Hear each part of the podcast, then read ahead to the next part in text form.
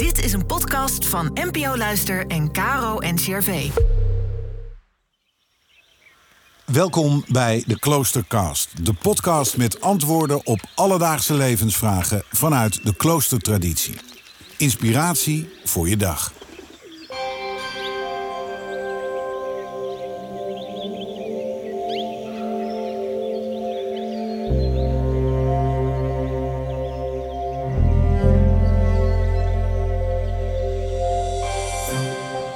In deze aflevering horen we Michael Dominique Magielsen over het moederschap van Maria. Magielsen is Dominicaan, een orde die leeft volgens de regel van Augustinus.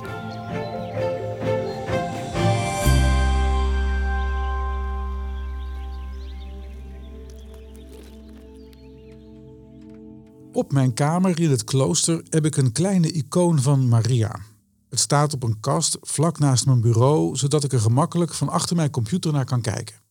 De schildering op hout was ooit van een medebroeder van mij en na diens overlijden jaren geleden belandde het op mijn kamer. Het is een kopie van de zogenoemde Onze Lieve Vrouw van Vladimir, een icoon uit de Byzantijnse tijd. Het origineel is waarschijnlijk in de eerste helft van de 12e eeuw geschilderd in het toenmalig Constantinopel. Wat mij zo raakt aan deze icoon is de vertedering tussen moeder en kind die de schildering uitdrukt. Het kind Jezus, dat zijn moeder op haar arm heeft, drukt zijn gezicht tegen dat van zijn moeder Maria aan en zijn ogen zoeken contact met haar. Een liefelijk moeder- en kindtafereel.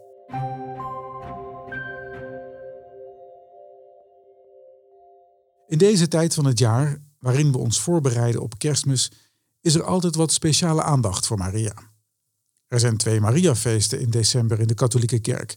Maria onbevlekt ontvangen en Onze Lieve Vrouw van Guadalupe, dat in vooral Noord- en Zuid-Amerika groots wordt gevierd. Maar haar belangrijkste verdienste, als je dat zo mag zeggen, is toch wel dat uit haar het kerstkind is geboren. En daarmee werkte ze op bijzondere wijze mee aan Gods plan met ons mensen. Voor velen spreekt de figuur van Maria tot de verbeelding. Ik denk dat dit komt doordat in Maria zich veel mensen kunnen herkennen.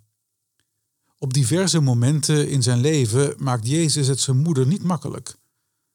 Hij raakt zoek in de tempel, treedt provocerend op tegen het Joodse establishment van zijn tijd en moet dat uiteindelijk bekopen met de dood, de dood aan een kruis.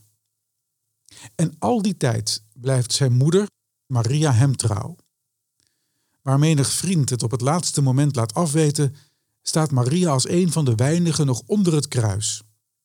Ze moet veel om haar zoon doorstaan, maar ze laat hem niet in de steek. Haar moederhart is groot.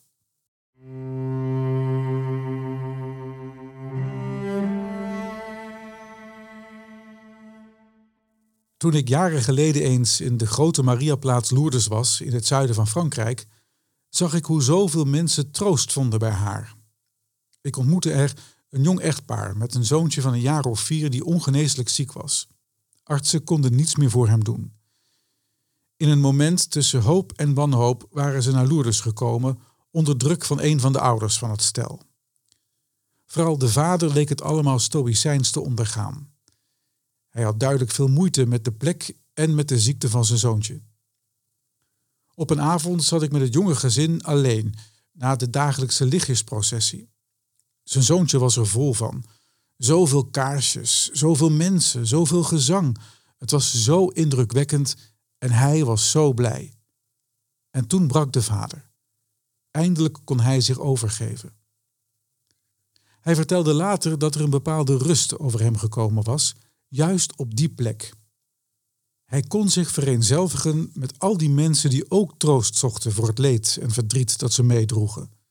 Leed en verdriet dat ook Maria had gekend. Ik moet weer even denken aan die icoon van moeder en kind die hun gezicht tegen elkaar aandrukken. Maria en haar moederhart. Een voorbeeld, een inspiratie en een moeder voor zoveel.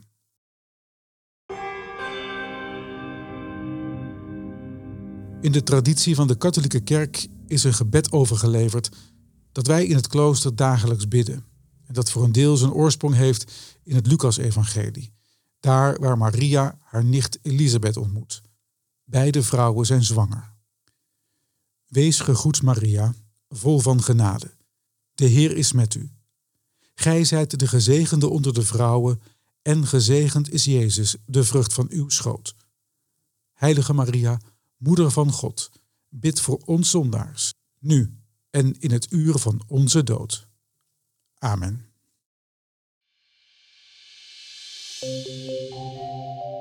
Morgen in een nieuwe kloosterkast vertelt broeder Joost Jansen waarom hij graag in gesprek gaat met mensen van heel diverse pluimage.